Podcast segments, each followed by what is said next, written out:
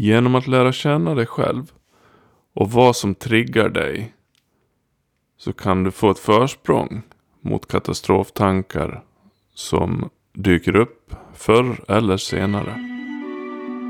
Du lyssnar på Dan Forslund. Podden för dig som söker metoder för att kunna leva ett mer produktivt och framgångsrikt liv med minskad stress, vantrivsel och pessimism. Jag är coach och författare inom produktivitet. Som sådan är jag rak, brutal och effektiv. Mina ideal är minimalistiska och stoiska. Låter det bra? Välkommen! Hej! Idag ska jag prata om katastroftankar. Katastroftankar är alltså en sorts ångesttankar som skenar iväg och som leder till att vi tänker orealistiska undergångsscenarion och ändå tror på dem. Jag har själv genom livet drabbats av katastroftankar ganska frekvent. Värst var det under den tiden när jag nyss hade fått ångest. Då var det i form av panik. Som ofta började med en liten trigger i kroppen. Och sen satte tankarna igång i fullt spinn. Jag kommer först att prata lite om katastroftankar, vad det är. Och sen kommer jag att gå igenom hur kan vi lära oss att hantera katastroftankar. Och sen kommer jag också att svara på en fråga från en lyssnare. Hur vi hittar lugnet i stormen. Som jag tyckte var relaterat till det här ämnet. Katastroftankar är alltså idéer om det värsta som kan hända. Det kan handla om att vi ska dö. Det kan handla om att vi kommer att misslyckas. Eh, att folk vill oss illa. Det är alltid eh, sånt som är bland det värsta som skulle kunna hända oss. Det värsta som skulle kunna hända oss gör att vi i kroppen får en känsla av oro. Och den här känslan av oro kan ses som en sorts bevis på att tanken stämmer. åtminstone är det så jag upplever det. Jag vill passa på att påpeka här att jag är på inget sätt en kunnig medicinsk person i det här området. Så om, om du har problem med psykisk ohälsa så ska du inte bara lyssna på min podd. Utan då ska du söka kontakt med vården i första hand. För jag vill inte ha det ansvaret och jag har inte den kunskapen helt enkelt. Utan det här bygger ju på vad jag själv har råkat ut för. Hur jag har lärt mig hantera det. Och det riktar sig i första hand till personer som kan leva en vettig vardag de som redan har fått hjälp av vården kan ju såklart också lyssna. Men ta mig inte som en expert, för det är jag inte. I alla fall då. Katastroftankarna för mig handlade väldigt ofta om att jag höll på att dö. Eller att jag hade fått en allvarlig sjukdom. Det kunde också handla om att andra människor hade en hemlig plan för att lura mig och skada mig. Eh, det var egentligen den här sista som fick igång ångesten. Att jag trodde att, att folk ville mig illa. Eh, någonting som jag bar med mig från tidigare år då eftersom jag var mobbad när jag var yngre. Mina katastroftankar kunde då börja med att jag tänkte, tänk om mitt hjärta ska stanna. Och när jag tänkte det så då stack det till i hela kroppen liksom. Och då blev jag ju orolig. Då, för då trodde jag att nu är det på väg att hända. Och när jag trodde det. Ja, då eskalerade den här känslan i kroppen. Och så där höll det på. Så att för mig var det ofta det att det blev en rundgång. Tankarna eh, skapar skapade en kroppslig reaktion. Den kroppsliga reaktionen skap skapade en starkare tanke. Eh, och den starkare tanken skapade en starkare kroppsreaktion. Eh, Så att det blev en negativ spiral tills jag fick panik. Och I värsta fall låg på golvet och bara skakade och väntade på mitt sista ögonblick ungefär. Det är också därför min bok heter Nu dör jag. För att det var ju det jag trodde. Eh, katastroftankar har dykt upp också senare i livet. Numera är det allt mer sällsynt att de dyker upp. Men de kan komma ibland genom att jag börjar tvivla på mig själv till exempel. Um, att jag tänker att jag kommer aldrig att lyckas med det här. Eller det här kommer att gå åt skogen. Eller vi kommer inte... Ja, tidigare var det ofta ekonomiska frågor. Att man var orolig för att barnen inte skulle få det bra. Där kunde paniken spinna igång. Men jag har lärt mig hantera det. Och som jag pratade om i ett tidigare avsnitt så är det här är väldigt mycket ett resultat av, av många små förändringar till det positiva. Alltså ett kluster av förändringar. Det är i slutändan ganska synonymt med självkänslan. Ju bättre självkänsla jag fått, desto färre katastroftankar. För jag kan lita på mig själv. Jag vet vad jag kan göra. Jag vet vad jag inte kan göra. Och framförallt så har jag också ett nätverk med bra, kompetent, pålitligt folk som jag kan be om hjälp. Och som gärna vill hjälpa mig också. Det vet jag att det är så. Och det är betryggande. Eh, men om man bortser från de här grejerna så det bästa sättet och mitt bästa tips vad gäller katastroftankar. Det är att man faktiskt tar sig an de här worst case scenarierna.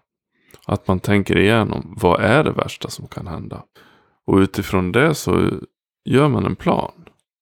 Om jag löser det allra värsta som skulle kunna hända. Så då kommer den planen att finnas. Och då kan jag känna mig trygg. Det här är också ett tips från den här miljardären Richard Branson. Som är känd för de här olika Virgin-företagen. Om du löser det värsta scenariot så har du löst alla problem i princip. Det är ett ganska bra stoiskt eh, arbetssätt.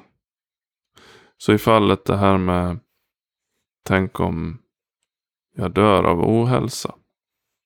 Ja, då får jag väl börja träna. Då får jag se till så min hälsa håller sig bra. Så att mina barn har en pappa som överlever och som mår bra och som klarar av att ta hand om dem. Sen kan ju olyckan vara framme ändå. Men om jag har gjort mitt allra bästa. Då, då kan jag slappna av även i nuet. Så tänk ut vad är det värsta som kan hända. Jobba fram det Kom med en plan. Hur löser jag det? Ja, du kanske inte kan lösa rädslan för att solen ska störta på jorden. Men du kan ifrågasätta då, är det rimligt? Och om det nu skulle överhuvudtaget ske, kommer vi vara, kommer vi vara märkare eller kommer vi processen att vara kort så att säga? Läs på lite om det här. Nörda inte ner dig i en massa sjukdomar på olika ställen på internet. För det är ju inte så värst givande. Det är ju bara ett sätt att skapa ännu fler saker att oroa sig för. Men visst, är du orolig för en massa sjukdomar, gå och undersök dig då. Få det svart på vitt. Några andra tips. KBT, alltså kognitiv beteendeterapi. Det var med utan motstycke det som hjälpte mig mest av allt när jag hade ångest. KBT är alltså att du, du ignorerar i princip dina tankar. Och du går på dina beteenden. En av de övningar som jag fick göra under KBT var att jag fick lära mig hur ångesten funkar. Och vad som gav ångest. Så jag fick sätta på mig en täckjacka och så fick jag ha två sugrör i munnen och sen fick jag stå och jogga på stället. Och sen stod det i den här övningen som jag jobbade. Nu känner du en kraftig ångest. Oh yes, det gjorde jag. Sen fick jag lära mig hur man blev av med ångesten. Så jag fick ta av mig jackan, ta ur sugrören, andas ordentligt, sätta mig, ta det lugnt. Och sen stod det nu har din ångest minskat. Och det stämde ju också. Det handlade också om hur man kan jobba i hjärnan. Jag ska inte gå in på detalj vad KBT är. Men den som har problem med katastroftankar kan söka hjälp hos vården och få hjälp med KBT. Och den som bara har lindriga problem i vardagen kan googla på KBT, övningar eller något sånt där. För det finns online. Utöver det här så är självkännedom en av de allra viktigaste delarna av att hantera katastroftankar. Här har jag faktiskt intervjuat också några personer som har nära mig. Eh, som har katastroftankar och som har OCD och liknande. Och de har gett mig råd hur de hanterar det. Och lära känna sig själv är en av de här. Vad blir du triggad av? Det är faktiskt en väldigt bra rekommendation. För om du kan förutsäga dig själv. Om du vet att okej, okay, imorgon ska jag åka tåg och när jag åker tåg då brukar jag dra iväg och tänka att det ska krascha en, ett jetplan i tåget eller något sånt där. Då kan du förbereda dig på att du faktiskt kommer att få katastroftankar. Så den här typen av förebyggande arbete. Där finns det mycket att vinna. Och vad gäller triggers, vad som triggar dig. Då är det å ena sidan kännedom. Å andra sidan medvetenhet. Att du faktiskt är vaksam på att det kommer triggers. Och det är den andra delen. Det får du genom att du utövar eh, meditation, mindfulness, yoga, all form av uppmärksamhets och medvetandeträning.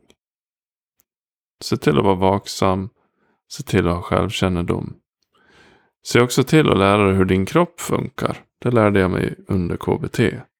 Det var en av de viktigaste grejerna för ångest. Att veta att nu känner jag ett surr i magen. Och då brukar jag tänka katastroftankar. För du kan, om man ser kedjan så bryts den ganska ofta. Det räcker med att, att uppmärksamma det. Sen finns det en annan viktig poäng här. Och det är att hur du behandlar tankarna när de väl kommer. Katastroftankar är lite som bråkiga barn.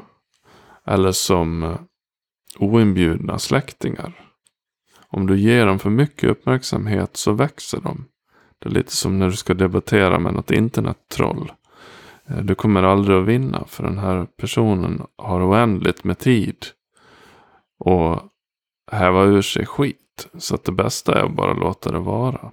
Så försök inte tänka bra tankar. Tips från en person med OCD.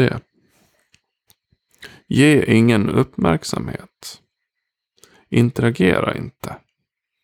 När det kommer en sån här katastroftanke så försök inte att resonera med den. Försök inte att säga åt den, nej men alltså nej det är inte så illa. Solen kommer faktiskt inte att krascha här. Eh, det har jag bevis på att den inte kommer att göra. Nej. Inled ingen konversation överhuvudtaget. Se det lite som att det är ett barn som vill ha uppmärksamhet och springer omkring och, och försöker provocera fram en reaktion från dig. Ignorera. Håll dig kall. Låt den vara där. Den kan vara högljudd, den kan bete sig illa. Låt den vara. Försök inte att fly heller därifrån. Låt dem vara. Försök inte vara välvillig. Försök inte sticka iväg. Fly från situationen. För minsta lilla flyktbeteende eh, talar om indirekt för dig själv att det här är farligt. Och känslan av fara, det drar igång en ångestkarusell utan dess like. När jag läste min KBT-kurs, jag gjorde det faktiskt på nätet för många år sedan. då var ofta liknelsen att, att de här tankarna skulle vara som löv som flöt förbi på vattnet. Vi ser dem. Vi tycker inget om dem. Vi gör inget. Vi tänker inget. Vi försöker inte styra det. Vi bara ser. Eller så var det moln på himlen. Att vi låg i gräset och såg molnen. Plötsligt kom det ett svart moln. Plötsligt var det borta. Ett annat sätt att se det på. Ett tredje sätt att se de här tankarna på som jag tycker är lite bättre. Och som också påminner om att vi inte ska gå in i de här tankarna. Det är att vi tänker oss att vi står bredvid en motorväg. Vi ser bilarna åka förbi där. Vissa bilar har innehåll som är skadligt och dåligt för oss. Sånt som gör oss oroliga. Kanske någon gangsterliga som skjuter. Eller har knark i skuffen, vad vet jag. Men det viktiga är att tänka att bilarna åker förbi oss. Vi står bredvid vägen. Vi är, vi är alltså inte delaktiga. Men om vi glömmer bort, om vi inte tänker oss för. Så förr eller senare så kommer man att glömma bort att man står bredvid vägen och faktiskt tro att man sitter i en av bilarna. Då blir den här tanken ditt sammanhang, din verklighet.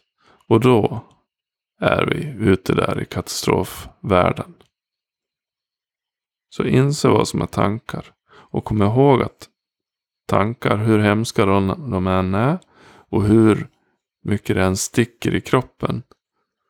Så gör det inte tankarna till sanningen. Och samma sak är det med känslor. Bara för att det känns hopplöst en dag. Eller en stund. Så betyder det inte att det är hopplöst. Om man pratar med en, en väldigt känslomässig person. Så, så kan den personen då invända att Ja men det är mina riktiga känslor. Ja. Så kan det vara. Känslorna är ju förmodligen. Ja. I den mån det finns nu någon sorts äkthet i känslor.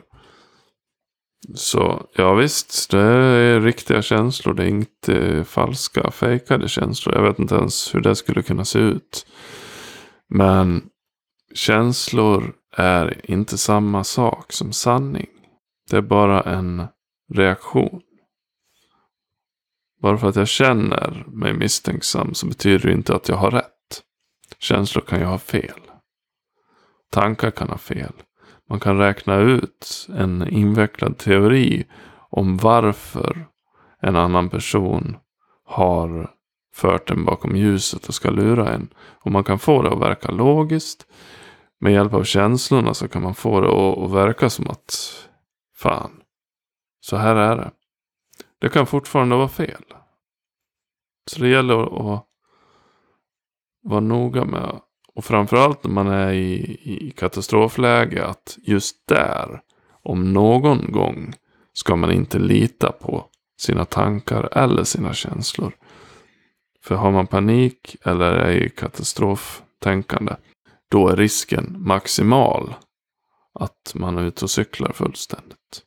Slutligen den här frågan om hur hittar man lugnet i stormen?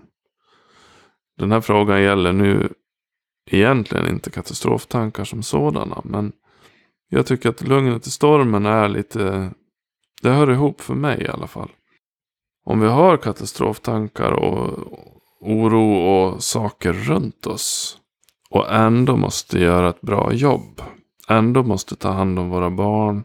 Ändå måste göra det vi ska i vardagen. Träna, laga mat, allt sånt här. Hur gör vi då? Mitt gamla tråkiga svar återkommer. Meditera. Så att du är beredd på att hantera de här situationerna.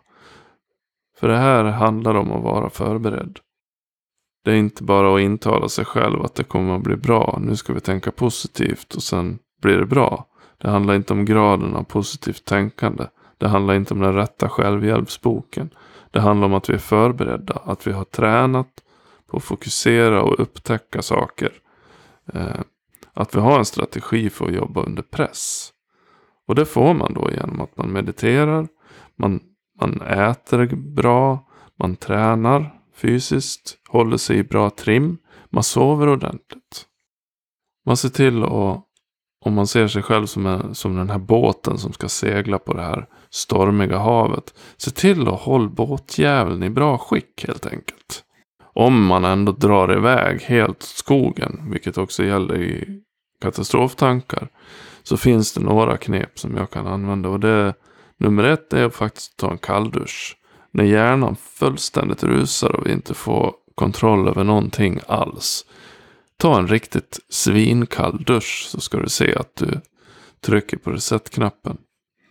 Kroppen blir så pass chockad att den bara lägger ner de här galna tankarna som du har. Så ha den som, som en reserv där. Och de personer som har fått hjälp av vården. De har kanske någon medicin de kan använda när det blir riktigt jävligt. Så se till att ha en plan för det totala kaoset. Och sen kan det också vara så faktiskt att det inte finns någon svinkall dusch när du är ute i köpcentret. Nej, må så vara. Men se till att tänka ut i förväg. När du är lugnt, i en lugn situation. Se till att ha någon person du kan ringa till. Se till att du har någon strategi för hur du kan bete dig. Se till att tänka på det här i förväg. För om man har den planen. Då kan det räcka. Det kan vara som med medicin också. Att bara vetskapen om att det finns där. Gör att du kan slappna av.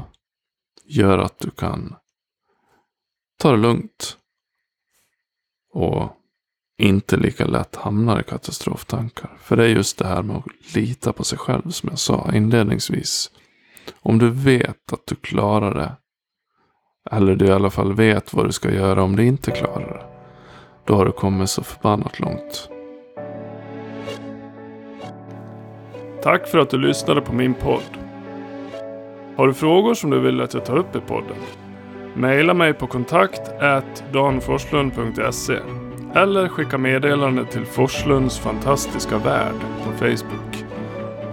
Den har adressen facebook.com forsfant.